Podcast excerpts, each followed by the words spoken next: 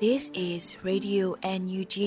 the voice of National Unity Government of Myanmar, broadcasting for Myanmar Spring Revolution. Radio NUG is transmitting from shortwave 16 meter 17.79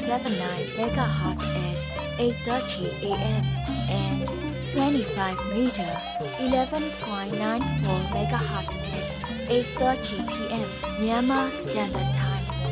မင်္ဂလာပါရှင်။အမျိုးသားညီညွတ်ရေးအစိုးရရဲ့အတန်လွတ်ဌာန Radio NUG ကိုမန္တပိုင်း၈နိုင်ခွဲမှာလိုင်းတူ6မီတာ19.3ခွန်ကုန်းမဂါဟတ်စ်နဲ့ညပိုင်း၈နိုင်ခွဲမှာလိုင်းတူ25မီတာ17.3ကိုလီမဂါဟတ်စ်တို့မှာဓာတ်ရိုက်ဖမ်းယူနားဆင်နိုင်ပါပြီရှင်။မင်္ဂလာအပေါင်းနဲ့ပြည့်စုံကြပါစေ။အခုချိန်ကစပြီး Radio NUG စီစဉ်လေးကိုဓာတ်ရိုက်အတန်လွှင့်ပေးနေပါပြီ။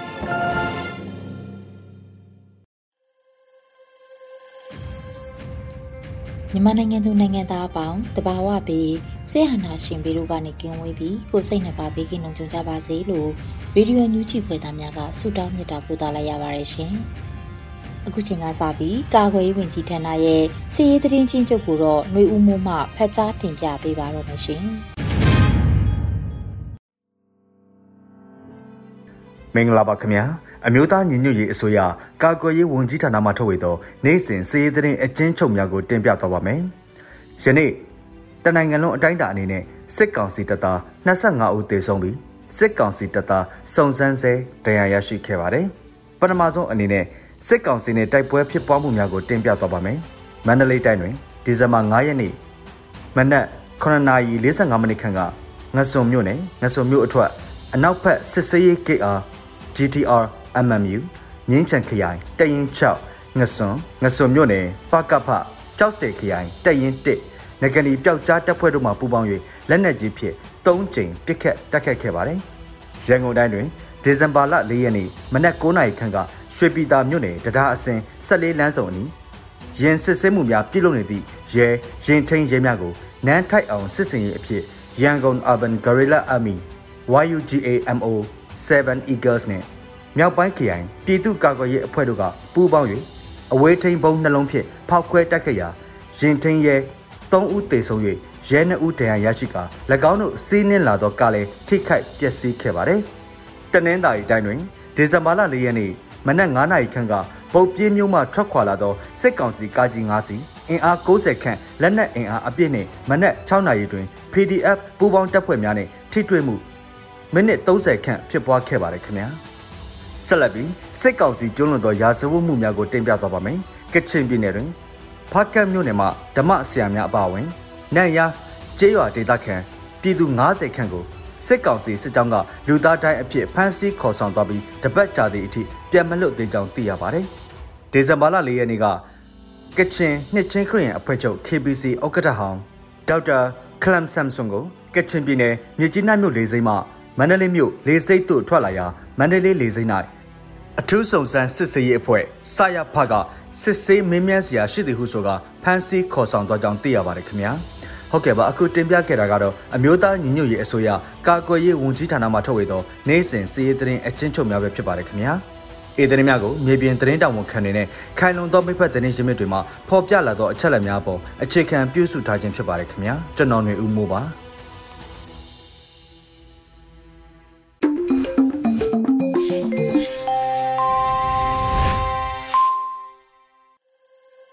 ရေဒီယိုညူချီရဲ့မနက်ခင်းစီစဉ်တွေကိုဆက်လက်တင်ပြနေပါတယ်။အခုဆက်လက်ပြီးနောက်ဆုံးရသတင်းများကိုနှွေဦးမှိုင်မှဖတ်ကြားတင်ပြပေးပါရမရှင်။မင်္ဂလာမနက်ခင်းပါရှင်။အခုချိန်ကစပြီးရေဒီယို UNG ရဲ့မနက်ခင်းသတင်းများကိုတင်ပြပေးပါမယ်ရှင်။ကျွန်မနှွေဦးမှိုင်ပါ။ပထမဆုံး ပွင့်ဖြူ NLD အလို့အမှုဆောင်တို့ဦးကိုစစ်ကောင်စီလက်ပါစီများကတပ်ဖြတ်လိုက်တဲ့တဲ့ရင်ကိုတင်ပြပေးပါမယ်။မကွေးတိုင်းပွင့်ဖြူမြို့နယ်ရှိအမျိုးသားဒီမိုကရေစီအဖွဲ့ချုပ် NLD ပါတီအလို့အမှုဆောင်ဖွဲ့ဝင်တို့ကိုစစ်ကောင်စီလက်ပါစီများကတပ်ဖြတ်လိုက်ကြောင်းမြို့နယ်အလို့အမှုဆောင်ဖွဲ့တာဝန်ရှိသူတို့ကပြောပါရယ်။အသက်45နှစ်အရွယ်ဦးဝင်းထေးဟာဒီဇင်ဘာလ4ရက်မနေ့ကညနေ9:00နာရီဝန်းကျင်မှာမိသားစုကျမ်းမာရေးကိစ္စနဲ့မကွေးမြို့ကနေအပြန် ပွင့်ဖြိုမြို့နယ်တစ်ချိုကုန်းရွာအဝင်းမှာလက်နက်ကင်လူတစုကပန်းစီသွားပြီးနောက်အခုလိုတက်ဖြတ်ခံခဲ့ရတာဖြစ်ပါတယ်။သူကတရက်ကုန်းရွာကပါသူ့ကိုတက်ချိုကုန်းရွာအဝင်မှာအမိမတိလက်နက်ကင်လူတစုအဖွဲ့ကနေသူတို့ကိုတနက်တွေနဲ့ချိန်ပြီးခေါင်းငုံထားဆိုပြီးတော့ဦးဝင်းသေးကိုဖမ်းဆီးသွားတယ်။ကျန်တဲ့မိသားစုဝင်တဲ့စပယ်ယာကိုတော့ပြန်လွှတ်လိုက်တယ်။စစ်ကောင်စီကဖမ်းဆီးတယ်မှတ်ပြီးတော့တစ်ဆိုင်ရာပွင့်ဖြူရဲစကားကိုတွားပြီးတော့သူတို့ဖမ်းဆီးတာမဟုတ်ဘူးပြောတယ်လို့ပြောပါတယ်။ ဖမ်းခေါ်သွားတဲ့သူတွေဟာကြောက်ကြီးကုန်းကျေးရွာကပြူစောထီးတွေလို့ခံမှန်းရပြီးဖမ်းဆီးခံရပြီးနောက်မိသားစုဝင်တွေကလိုက်လိုက်ရှာဖွေရာဒီဇင်ဘာလ9ရက်ဒီမနေ့9နိုင်ဝန်းကျင်မှာလေလီတန်ရနဲ့တေဆုံးနေတဲ့ဦးဝင်းထင်းရဲ့အလောင်းကိုကြောက်ကြီးကုန်းရွာမြောက်ဘက်ကတောထဲမှာတွေ့ရှိခဲ့လို့ပွင့်ဖြူမျိုးနဲ့ NLD အလို့အမှုဆောင်တို့ကပြောပြခဲ့တာပါ2021ခုနှစ်စစ်အာဏာသိမ်းပြီးနောက်ပိုင်းမှာလဲပွင့်ဖြူမျိုးနဲ့ကြောက်ကုန်းကြီးကျေးရွာက NLD အလို့အမှုဆောင်ဦးထင်းနိုင်တဲ့ပါတီဝင်လူငယ်တအုပ်ကိုအဆိုပါရွာနေစစ်ကောင်စီထောက်ခံသူ30ဦးဝန်းကျင်လောက်ကဝိုင်းဝန်းကန်ကြောက်ကဓာတ်နဲ့ခုတ်တက်တဲ့ဖြစ်စဉ်တစ်ခုဖြစ်ပေါ်ခဲ့တာရှိပေမဲ့ပြစ်မှုကျူးလွန်သူတွေကိုထိုစင်ကလေးကပေါ်ထုတ်အရေးယူနိုင်ခဲ့ခြင်းမရှိခဲ့ပါဘူးလို့သိရပါတယ်ရှင်။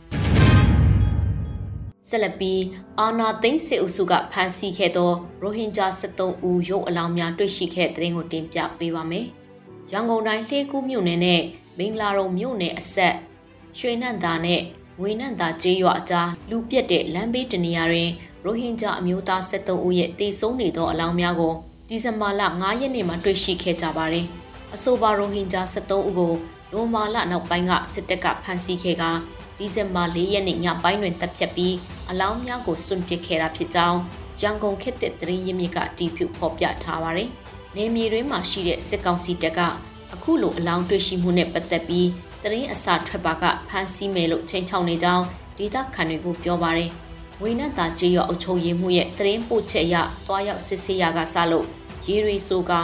လက်ဖြားတွေနူးပွားနေတဲ့အမျိုးသားရုပ်အလောင်းများတွေ့ရှိမှုအခင်းအကျင်းပေါ်ပေါက်ခဲ့တာပါအခုတော့ရန်ကုန်ပြည်သူစေယုံကိုပို့ဆောင်ကစစ်ဆေးမှုတွေလှုပ်ဆောင်နေရလို့စစ်အုပ်စုသတင်းထုတ်ပြန်ရေးကဆိုပါတယ် ဒါအပြင်စစ်ကောင်စီနဲ့နှီးဆက်တဲ့ပြည်တွင်းသတင်းဌာနတချို့ကလည်းလဲကူးမြို့အဝင်တေဆုံးနေသူတွေဟာဘင်္ဂါလီတွေဖြစ်တယ်လို့ဖော်ပြထားကြပါတယ်စစ်အုပ်စုနဲ့၎င်းတို့အတိုင်းဝိုင်းဟာရိုဟင်ဂျာတွေကိုဘင်္ဂါလီတွေလို့ခေါ်ဝေါ်သုံးဆွဲလက်ရှိကြပြီးအသက်ရှူရပြီးတေဆုံးတယ်လို့သတင်းလွှင့်နေကြပါတယ်။ဒါပေမဲ့တေဆုံးနေသူတွေမှာဝိုက်ကိုဓာဖြင့်ထိုးသွင်းထားသောဒဏ်ရာများတွေ့ရကြောင်းအချို့တွင်မျက်နာပေါ်တွေးတာရဲရဲရှိနေပြီးခြေထောက်များမှာလည်းညုံမဲဒဏ်ရာများတွေ့ရကြောင်း တချို့ရုပ်အလောင်းများမှာတော့ကြောကုန်းတွင်မီးလောင်ဒဏ်ရာများတွေ့ရကြောင်းရန်ကုန်ခေတ်သစ်သတင်းဌာနကတော့တပ်ပုံမှတ်တမ်းများကိုကိုးကားပြီးအတိလင်းဖော်ပြပါတယ်။ဒါအပြင်ခုလိုစစ်ကောင်စီနဲ့ပြူစောထီများတပ်ဖြတ်ထားတဲ့ရိုဟင်ဂျာလူငယ်73ဦးရဲ့ရုပ်အလောင်းတပ်ပုံသက်သေများကို Telegram Channel တွင်ဖော်ပြပေးထားကြောင်းကိုလည်းရေးသားဖော်ပြထားပါတယ်။ယခုဖြစ်ရမတိုင်မီနိုမာလနှောင်းပိုင်းမှာစစ်ကောင်စီရဲ့သတင်းထုတ်ပြန်ချက်တွေမှာတော့ ရိုဟင်ဂျာအမျိုးသားအမျိုးသမီးများကိုစစ်တိုက်ဆိုသလိုစုစုပေါင်း82ဦးထိဖမ်းမိခဲ့တယ်လို့သတင်းထုတ်ပြန်ထားတာကိုလည်းသိရှိရပါတယ်ရှင်။ဆက်လက်ပြီးဒီမော့ဆိုမှာမိုင်းရှင်းလင်းရမှတော်လှန်ရဲဘော်၃ဦးတန်ရာရရှိတဲ့သတင်းကိုတင်ပြပေးပါမယ်။ကရင်နီကရားပြည်နယ်ဒီမော့ဆိုမြို့ကုန်းသာကျေးရွာနေမြေကိုဒီဇင်ဘာ၁ရက်ကပြန်လည်ရယူပြီးနေမြေရှင်းလင်းရေးမိုင်းရှင်းလင်းရေးတွေပြုလုပ်နေတော့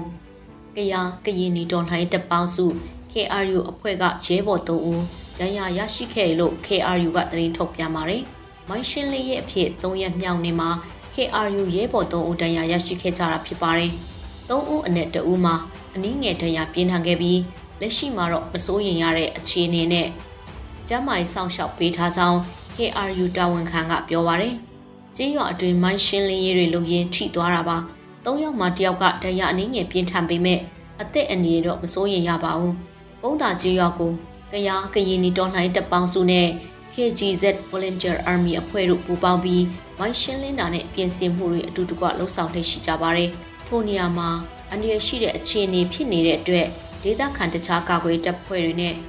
ဒေသခံပြည်သူတွေလည်းတွာလာမှုမပြုလုပ်ကြဖို့တွာလာဖို့လိုအပ်ပါကအတိပေးပြီးမှတွာလာကြဖို့အတိပေးကြေညာထားပါတယ်ရှင်။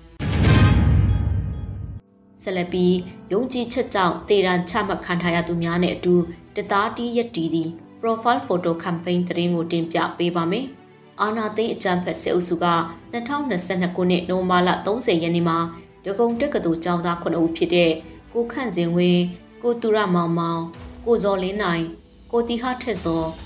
ကိုဟင်းထက်ကိုတက်ပိုင်ဦးနဲ့ကိုခန့်လင်းမမောင်တို့ကိုတေရန်ချမှတ်ခဲ့ပါတယ်။ တေရန်ချမှတ်တာစီရင်နာတွေဟာလူအခွင့်အရေးစံနှုန်းရဘလို့မှမကိုက်ညီတလို့နိုင်ငံတကာမှလည်းတေတာနဲ့ပတ်သက်ပြီးတားဆီးကန့်သက်ထားတာတွေရှိပါတယ်။ဒီလိုတွေရှိပါလဲနဲ့လူငယ်လူရွယ်ចောင်းသားတွေကိုစစ်အုပ်စုကအတမတေရန်ချမှတ်နေတာဟာသူတို့ကိုစန့်ကျင်တဲ့ဒီမိုကရေစီအရေးလှုပ်ရှားသူတွေကိုအလုံးစုံပြစ်သုံးတဲ့အထိလက်စားချေမဲဆိုတဲ့စစ်အုပ်စုရဲ့ရုံမာရိုင်းဆိုင်တဲ့ဖက်ဆက်တရုပ်ဖြစ်ပါတယ်။မြန်မာနိုင်ငံမှာတည်ရန်ချမှတ်ခံရသူ 140ကျော်ရှိနေပြီးရင်းတို့အနေမှာထင်ရှားသူ၄ဦးကိုရစ်စစ်စွာစီကွပ်မျက်ခဲ့ပြီးဖြစ်ပါတယ်။တကုံတက်ကတူចောင်းသား9ဦးအပါအဝင်ဒီမိုကရေစီအရေးအတွက်လှုပ်ရှားရင်းတည်ရန်ချမှတ်ခံရတဲ့ចောင်းသားပြည်သူများနဲ့အတူတသားရည်ရည်တည်ရင်စစ်ကောင်စီရဲ့အတမသေးတမ်းချမှတ်နေမှုစီရင်နေမှုတွေကိုပြင်းပြင်းထန်ထန်ရှုတ်ချဖို့လိုအပ်တယ်လို့ profile photo campaign ကိုဦးဆောင်နေသူတွေနဲ့ဒေါ်လှန်ပြည်သူတွေကသဘောထားထုတ်ပြန်လှည့်ရှိပါတယ်။အခုလိုသေးတာစီရင်ချက်ကို လက်နက်တပ်ဖွဲ့အုံချနေမှုနဲ့ပတ်သက်ပြီးအမျိုးသားညီညွတ်ရေးအစိုးရပြည်ထောင်စုဝန်ကြီးဒေါက်တာဇော်ဝေဆိုကလည်း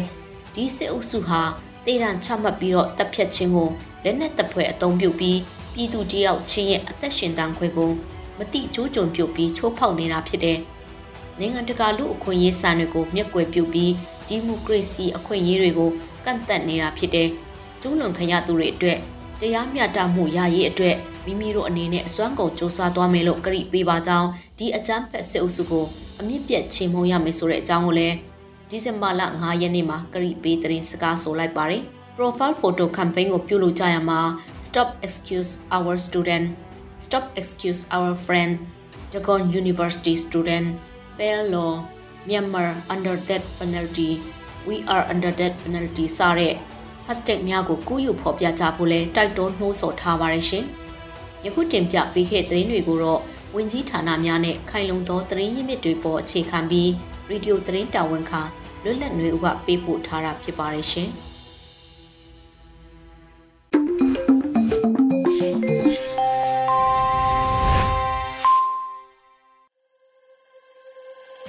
ဗီဒီယိုအန်ယူဂျီပရိသတ်တွေကိုကူးဆက်လက်ပြီးထုတ်လွှင့်ပေးမယ့်စီစဉ်ကတော့ ပြည်ထောင်စုဝန်ကြီးဒေါက်တာဇော်ဝေဆိုရဲ့တေရန်ကိုလက်နက်တပွဲအသုံးချနေမှုပေါ်တုံ့ပြန်ပြောဆိုချက်စကားသံကိုနားဆင်ကြရမှာဖြစ်ပါတယ်ရှင်။ဒီနေ့သတင်းနေတဲ့ဒဂုံတက္ကသိုလ်ကျောင်းသား9ယောက်နဲ့အတူ17ယောက်ကိုတေတံချမှတ်လိုက်ပြီးသူတို့ကိုလိမ်မဝစ်စုံနေနဲ့တေတံကြိုးတံပေးမဲ့အဆောင်ကိုပြောင်းထားလိုက်တယ်လို့ဆရာတို့ပါတယ်ကျောင်းဆရာတယောက်အနေနဲ့ရောလေးတွေရဲ့ မိဘတွေအနေနဲ့ရောရဲဘော်ရဲဘက်တယောက်အနေနဲ့ကျွန်တော်အနေနဲ့လုံးဒါနဲ့ပတ်သက်ပြီးယူကြိုးမရဖြစ်မိတယ်ဝမ်းနည်းမိတယ်ဒီစစ်အုပ်စုဟာတေရန်အမိတ်ချမှတ်ခြင်းနဲ့အချင်းကိုလက်နက်သပွဲအသုံးပြုပြီးပြည်သူတယောက်ချင်းရဲ့အသက်ရှင်သန်ခွင့်ကိုမတိကျိုးကျွံပြုပြီးချိုးဖောက်နေတာဖြစ်တယ်။နိုင်ငံတကာလူအခွင့်အရေးစံတွေကိုမျက်ကွယ်ပြုပြီး ဒီမိုကရေစီအခွင့်အရေးတွေကိုကန့်သတ်နေတာဖြစ်တယ်ကျွန်တော်တို့ရဲ့တန်ဖိုးရှိလာတဲ့အနာဂတ်ရဲ့လူငယ်လူရွယ်လူကောင်းလူမွန်တွေကိုတတ်ဖြတ်ပြီးလူသားမျိုးနွယ်ပေါ်မှာကျူးလွန်နေတဲ့လူမျိုးတုံးတတ်မှုကိုစနစ်တကျကျူးလွန်နေတာပဲဖြစ်တယ်ကျွန်တော်အနေနဲ့ပြောချင်တာကတော့ဒီမြက်မှုမှာပါဝင်နေတဲ့သူတွေအားလုံးအနေနဲ့အချိန်ပဲဖြစ်ဖြစ်ကျူးလွန်ခဲ့တဲ့လုပ်ရအတွက်တာဝန်ယူတာဝန်ခံရမယ် နိုင်ငံတကာအတိုင်းအဝိုင်းအနေနဲ့လည်းမြန်မာနိုင်ငံမှာတည်တံချမှတ်တဲ့ပတ်သက်ပြီးအရေးယူဆောင်ရွက်ဖို့လိုတယ်လို့နိုင်ငံတကာကိုတိုက်တွန်းလို့ကျူးလွန်ခံရသူတွေအားလုံးအတွက်တရားမျှတမှုရရှိရေးအတွက်ကျွန်တော်တို့အနေအစွမ်းကုန်ကြိုးစားဆောင်ရွက်သွားမယ်လို့ကြိပေးပါစစ်အကြမ်းဖက်အုပ်စုကိုအမြင့်ပြတ်ချေမှုန်းရမယ်အရေးတော်ပုံဟောရမယ်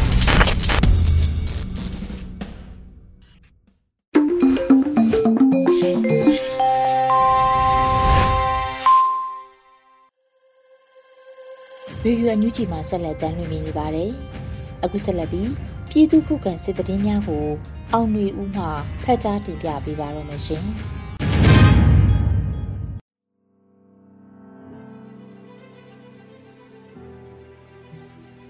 ပထမဆုံးတင်ဆက်မှာကတော့ရေစကြိုမြို့နယ်ရဲစခန်းကို PDF တပ်ဖွဲ့ဝင်များဝင်ရောက်တိုက်ခတ်ခဲ့တဲ့သတင်းဖြစ်ပါတယ်။မကွေးတိုင်းရေစကြိုမြို့နယ်ရဲစခန်းကို PDF တပ်ဖွဲ့ဝင်များဝင်ရောက်တိုက်ခတ်မှု စစ်တပ်ဘက်မှအရာရှိများအပါအဝင်30ဦးခန့်တိတ်ဆုံးခဲ့ကြောင်းမြင်းညံ Black Tiger ထံမှသိရပါတယ်။ဒီဇင်ဘာလ4ရက်နေ့မုံလွဲ12နာရီခန့်မှာရေစကြိုမြို့နယ်ရဲစခန်းကို PDF တပ်ဖွဲ့ဝင်များကဝင်ရောက်တိုက်ခတ်ခဲ့ပြီးစစ်တပ်ဘက်မှအရာရှိများအပါအဝင်စစ်သား30ဦးခန့်တိတ်ဆုံးခဲ့တယ်လို့ဆိုပါတယ်။ဆက်လက်ပြီးအင်မတီရွာပြူစောတိစခန်းကို PDF တပ်ဖွဲ့ဝင်များပစ်ခတ်တိုက်ခိုက်ခဲ့တဲ့တဲ့တင်ကိုတင်ဆက်ပါမယ်။စ ကိုင်းတိုင်းပလဲမြို့နယ်အင်မတီရွာပြူစောတိစခန်းကိုလက်နက်ကြီးများနဲ့နှစ်ကြိမ်ပစ်ခတ်တိုက်ခိုက်ခဲ့ကြောင်း M7 People Defense Force ထံမှသိရပါတယ်။ရင်းပြူစောတိစခန်းကိုဒီဇင်ဘာလ9ရက်နနက်အစောပိုင်းတွင်ပလဲမြို့နယ်လုံသားရနောက်ဖက်ဖျားကုန်းမှလက်နက်ကြီးသုံးလုံးကို၎င်းဒီဇင်ဘာလ4ရက်ည8နာရီခန့်ကလုံသားရအရှိမြောက်ဖက်မီတာ900အကွာမှလက်နက်ကြီး9လုံးကို၎င်းပစ်ခတ်တိုက်ခိုက်ခဲ့ခြင်းဖြစ်ပြီး ထိခိုက်မသိရသေးကြောင်း M7 People Defense Force ကထုတ်ပြန်ထားတာပါမုံရွာမြို့အဝင်မှာတိုက်ပွဲတွေဖြစ်ပွားနေတဲ့သတင်းကိုဆက်လက်တင်ဆက်ပါမယ်ယနေ့နံနက်ပိုင်းမုံရွာအဝင်ရေဦးစံတိုင်ဂိတ်မှာတိုက်ပွဲဖြစ်ပွားနေတယ်လို့ဒေတာခံတွေကဆိုပါတယ်အဆိုပါနေရာမှာစစ်ကောင်စီတပ်စစ်ဆေးဂိတ်ရှိတာကြောင့်ပြည်သူ့ကာကွယ်ရေးတပ်ဖွဲ့တွေကဝင်ရောက်စီးနင်းတိုက်ခိုက်တာဖြစ်နိုင်တယ်လို့အနီးနားနေသူတွေကပြောပါတယ် ဒေသကာကွယ်ရေးတပ်ဖွဲ့တွေကတော့မုံရအဝင်လမ်းတွေကိုပြည်သူများဖျက်ဆီးသွားလာခြင်းလုံးဝမပြုကြဖို့အတိအသထုတ်ပြန်ထားကြတာပါနောက်ဆုံးအနေနဲ့လောင်းလုံးမော်မကန်ရဲစခန်းကပြစ်ခတ်မှုဖြစ်ပွားပြီးစစ်ကူလာသောကားများပါမိုင်းဆွဲခံရတဲ့တဲ့ရင်ကိုဆက်လက်တင်ဆက်ပါမယ်။တဝဲခရိုင်လောင်းလုံမြို့နယ်မော်မကန်ရွာနဲ့ပရင်းအင်းကျေးရွာရှိမော်မကန်နယ်မြေရဲစခန်းကိုဒီဇင်ဘာလ၄ရက် ညပိုင်းတွင်ပြစ်ခတ်မှုဖြစ်ပွားခဲ့ကြောင်းနယ်မြေကန်သတင်းရင်းမြစ်များထံမှသိရပါတယ်။တိုက်ခိုက်မှုဖြစ်ပွားခြင်းတွင်စစ်ကားများနှင့်ရေးဘော်ကားများတဝဲဘက်မှမော်မကန်ဘက်သို့ဆင်းလာကြကြောင်းစစ်ကူဆင်းလာသည့်စစ်ကောင်စီကားများသည်လည်းမော်မကန်ရွာနီးတုံးတက်လမ်းကွေတွင် မိုင်းဆွဲခံရပြီးထိခိုက်ပျက်စီးမှုများရှိခဲ့ကြောင်းနေမြေကန်သတင်းရင်းမြစ်များထံမှသိရပါဗျ။ဗီဒီယို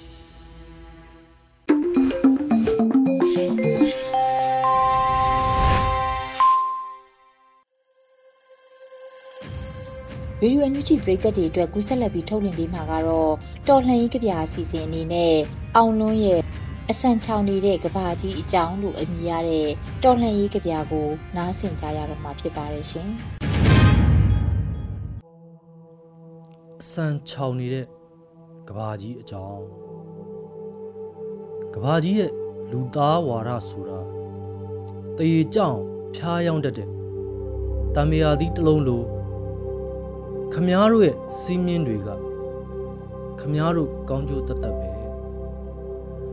ကိုချင်းစာတရားအကြောင်းပြောရင် အာလုတ်တန်လောက်ပဲမြည်တတ်တာလဲမျိုးကိုတက်နှင်းခံထားရတယ်လို့ထတ်ကြလာတယ်ခမားတို့မှတ်ချက်တွေကအသားကျလာတဲ့တေဆုံးမှုတွေအတွက်တော့အိမ်မက်တစ်ခုဖြစ်တော့မရှိခဲ့ကဘာကြီးရဲ့ဒီဘက်ချမ်းမှာတော့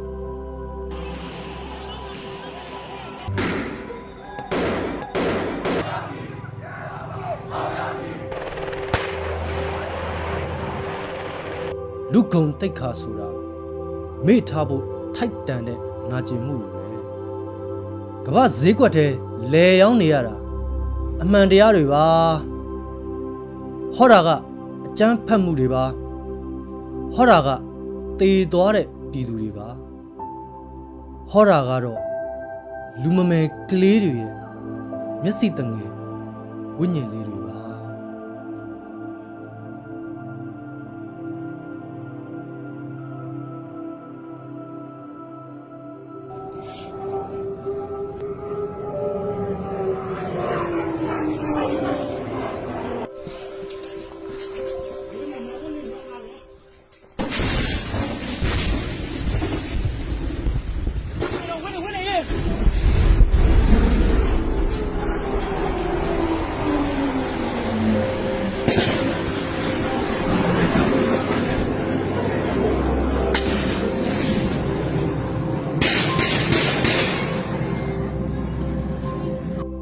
လိုက်တဲ့တကားတွေ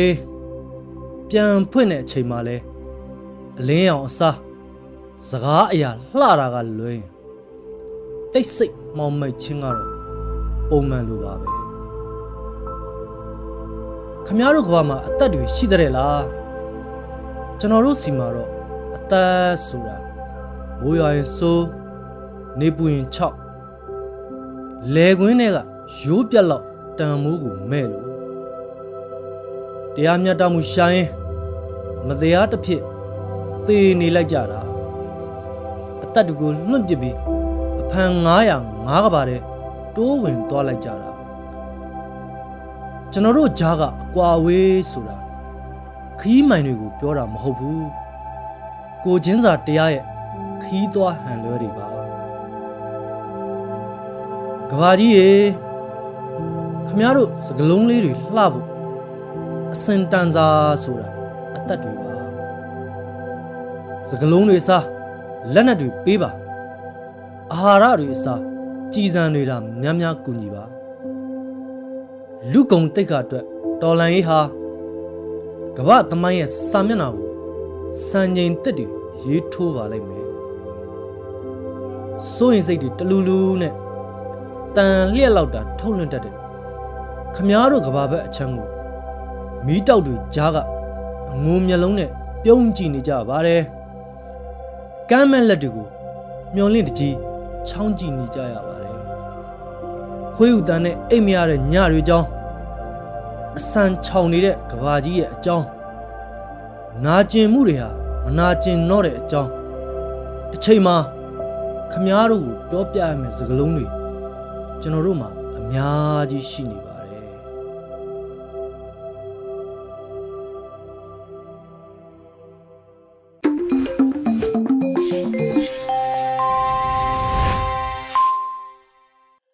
ရေဒီယိုအန်ယူဂျီပရိသတ်တွေအတွက်ကူးဆက်လက်ပြီးထုတ်လွှင့်ပေးမယ့်စီစဉ်ကတော့ PPTV ရဲ့နေ့စဉ်သတင်းများဖြစ်ပါတယ်။ထက်ထက်အင်ဒရာအောင်မှဖက်ကြားတင်ပြပေးပါမယ်ရှင်။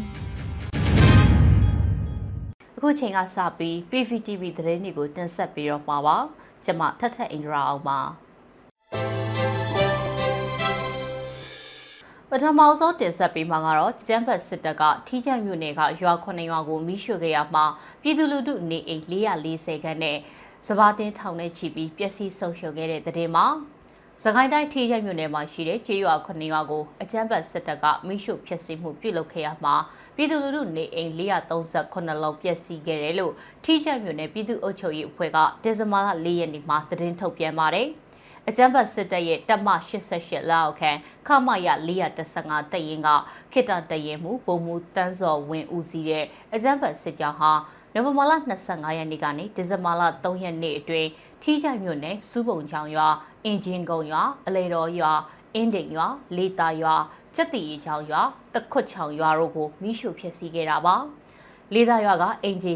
188လုံးအလဲတော်ရွာက85လုံးအင်းဒိန်ရွာက49လုံးအင်ဂျင်ကုန်းရွာက42လုံးစူးုံချောင်ရွာက35လုံးတခွတ်ချောင်ရွာက32လုံး ကျက်တီရီချောင်ရွာက9လုံးမိလောင်ပျက်စီးခဲ့တယ်လို့ထိကြရွေနယ်ပြည်သူ့အုပ်ချုပ်ရေးအဖွဲ့ကဖော်ပြထားပါတယ်အကြမ်းဖက်စစ်တပ်မိရှုဖျက်ဆီးမှုကြောင့်ပြည်သူတွေစိုက်ပျိုးရိတ်သိမ်းတူလောင်ထားတဲ့စပါးတင်ပေါင်းထောင်နဲ့ချီပျက်စီးဆုံးရှုံးခဲ့ရတယ်လို့မြို့နယ်ပအဖာကအသိပေးထားပါတယ်။လေယာစိုက်ပျိုးရေးသောစက်ရင်ရန်တရားတွေနဲ့ပစ္စည်းကိရိယာများစွာပျက်စီးဆုံးရှုံးခြင်းဖြစ်ပေါ်ခဲ့တယ်လို့တခြားစေးမပြုတ်စုနိုင်တဲ့ပစ္စည်းတွေများစွာလည်းပျက်စီးဆုံးရှုံးခဲ့တယ်လို့ဆိုပါတယ်။ ဒါအပြင်အကြမ်းဖက်စစ်တပ်စစ်ကြောင်းထိုးတဲ့ကာလအတွင်းလေကြောင်းတိုက်ခိုက်မှုတွေလှုံ့ဆော်ခဲ့တယ်လို့လည်းထုတ်ပြန်ပါတယ်။ထိရိုက်နယ်ကရွာတွေကိုမိရှုခဲ့တဲ့အကြမ်းဖက်စစ်တပ်ကိုလည်းဒေသခံပြည်သူကာကွယ်ရေးတပ်တွေကခုခံတိုက်ခိုက်ခဲ့ရမှာတိုက်ပွဲဖြစ်ပွားပြီးစစ်ကောင်စီတပ်ကတေဆုံးမှုရှိခဲ့ပါတယ်။အကြမ်းဖက်စစ်တပ်ဒုတက်ချက်တအူရဲ့ရုပ်အလောင်းကိုလေးသာရွာမှာမြုပ်နှံထားခဲ့တော့ကိုလည်းတွေ့ရကြောင်းဒေသခံတအူကပြောပါတယ်။အကြမ်းဖက်စစ်တပ်ကအစွမ်းကုန်ရက်ဆက်မှုအကြမ်းဖက်မှု မိရှုတပ်ဖြတ်လူရဲမှုများလေကြောင်းတိုက်ခိုက်မှုများလှုံ့ဆော်နေလို့ပြည်သူများအနေနဲ့မိမိပိုင်ပစ္စည်းတွေစနစ်တကျတိုးဝက်ကြဖို့နဲ့စစ်ကြောင်းထိုးရအရက်တွေကိုနားဆွင့်ပြီးတော့အချိန်နဲ့တပြေးညီတိမ်းရှောင်ကြဖို့ထီးချိုင်ပအဖာကမြစ်တာရက်ခံထားပါတယ်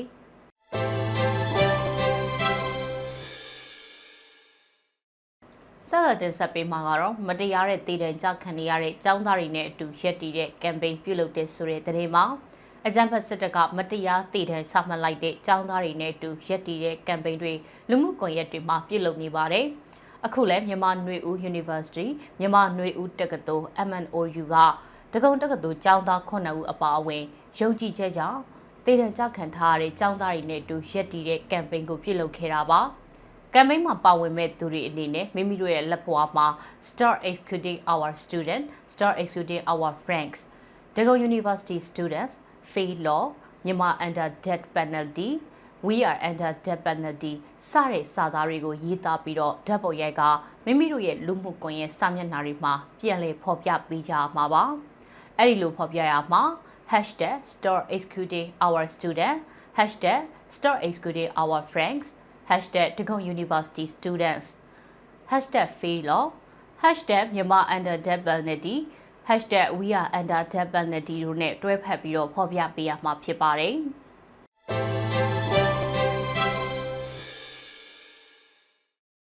ဆလတ်တင်ဆက်ပေးမှာကတော့အကျန်းဖတ်စစ်တကတပည့်ရင်ထီကြိုက်ကမ်ဘလူနယ်အပါအဝင်စကိုင်းတိုင်းကရွာတွေကိုစတိုက်မိရှို့ပြီးဒေသခံများစွာတိတ်ရှောင်နေရတဲ့တဲ့တင်မှာ စကိုင်းတိုင်းတပည့်ရင်ထီကြိုက်နဲ့ကမ်ဘလူမြို့နယ်ကကြီးရွာတွေကိုအကျန်းဖတ်စစ်တကမိရှို့ဖျက်ဆီးမှုဇက်တိုက်လှုပ်ဆောင်လျက်ရှိတယ်လို့ဒေသရင်းသတင်းရင်းမြစ်တွေကအသိပေးထားပါတယ်တပည့်မြို့နယ်မှာရှိတဲ့ကြေးရွာတွေကိုအကြမ်းဖက်စစ်တပ်ကမိရှို့ဖျက်ဆီးမှုတွေလှုပ်ဆောင်လျက်ရှိရမှာမနေ့ကနဲ့ဒီကနေ့မနက်ပိုင်းတွင်ညောင်လှနဲ့ရင်ကြီးရွာတို့ကပြည်သူလူထုနေအိမ်တွေကိုမိရှို့ဖျက်ဆီးခဲ့တယ်လို့တပည့်မြို့နယ်ညီနောင်များကအသိပေးထုတ်ပြန်ထားပါတယ်။မင်းအောင်လိုက်ကျော်အကြမ်းဖက်တွေက တပည့်ရမြို့နယ်အရှိတ်ချမ်းညောင်လှကြီးရွာဖုန်ကြီးကျောင်းနဲ့စတီလာရှင်ကျောင်းဆောင်တွေအပါအဝင် နေအိမ်65လုံးမိရှို့ဖျက်ဆီးခဲ့ရတယ်လို့သိရပါတယ်။နမ ्या ကျေးရွာမိရှို့ဖျက်ဆီးခံရတယ်လို့ရင်ကြီးရွာလည်းမိရှို့ဖျက်ဆီးခံရပါတယ်။မူရိုကုန်းကြေးရွာဘက်ကိုဆက်လက်ဦးတည်နေပြီမို့ပြည်သူအလုံးဘေးကင်းကြပါစေလို့တပိန်မြို့နယ်ညီနောင်များကအသိပေးထားပါတယ်။ရခိုင်ကအကြမ်းဖက်စစ်တပ်ကမိရှုဖျက်ဆီးခဲ့လို့တပိန်မြို့နယ်အတွင်းကြေးရွာ32ရွာက နေအိမ်ပေါင်း1000ကျော်မိလောင်ဆုံးရှုံးခဲ့ပြီးဖြစ်ပါတယ်။အကြမ်းဖက်စစ်တပ်ဟာကမ်လူမြို့နယ်မြောက်ချမ်းကချောင်းကြားရွာကိုလည်းဒီကနေ့မှမိရှုခဲ့ပါသေးတယ်။ချောင်းကြားရွာမှာတက်ဆွဲနေတဲ့အင်အား80ဝန်းကျင်မှာရှိတဲ့အကြမ်းဖက်စစ်တပ်ကဒီဇင်ဘာလ၄ရက်မနက်ပိုင်းမှာမိစာရှုခဲ့ခြင်းဖြစ်တယ်လို့ဒေတာရင်းသတင်းတွေကိုဖော်ပြနေတဲ့ Infinity Group ကအသိပေးထားပါတယ်။ဒီဇင်ဘာလ3ရက်နေ့ကလည်းကမ်းလူမျိုးနယ်တောင်ကျန်းကြီးပင်အရွာကပစ္စည်းခိုးယူပြီးပြန်ထွက်ခဲ့တဲ့ အေအား150ဝန်းကျင်ပါအကြမ်းဖက်စစ်တပ်စစ်ကြောင်းကကြေးပင်အစစ်အနီးကြေးရွာတွေအားထပ်မံစစ်ကြောင်းထိုးနေသလိုကမ်ဘလူမြို့နယ်အနောက်ချမ်းကင်းထက်စစ်အနီးမှာရှိတဲ့ဒဇယ်မြို့နယ်မြောက်ချမ်းဒေသကြေးရွာတွေကိုလည်းအင်အား200ခန့်ရှိစစ်ကောင်စီတပ်စစ်ကြောင်းကဒီဇင်ဘာလ3ရက်ကလေးကစတင်စစ်ကြောင်းထိုးလျက်ရှိတယ်လို့ဆိုထားပါတယ်။ကျေးဇူးတင်ပါတယ်ရှင်။မတရားမှုကိုစန့်ကျင်သောရေဥပံများပွင့်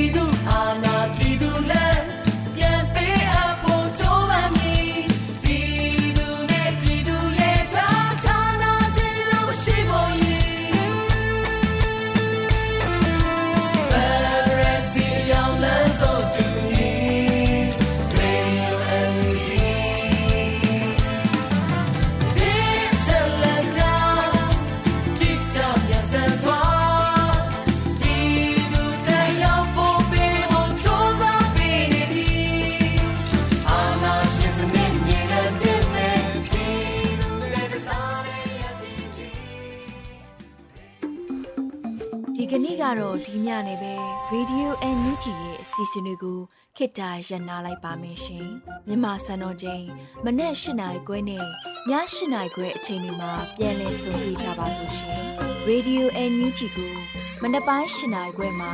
လိုင်းတူ16မီတာ19.7ခုခုမဂါဟတ်နဲ့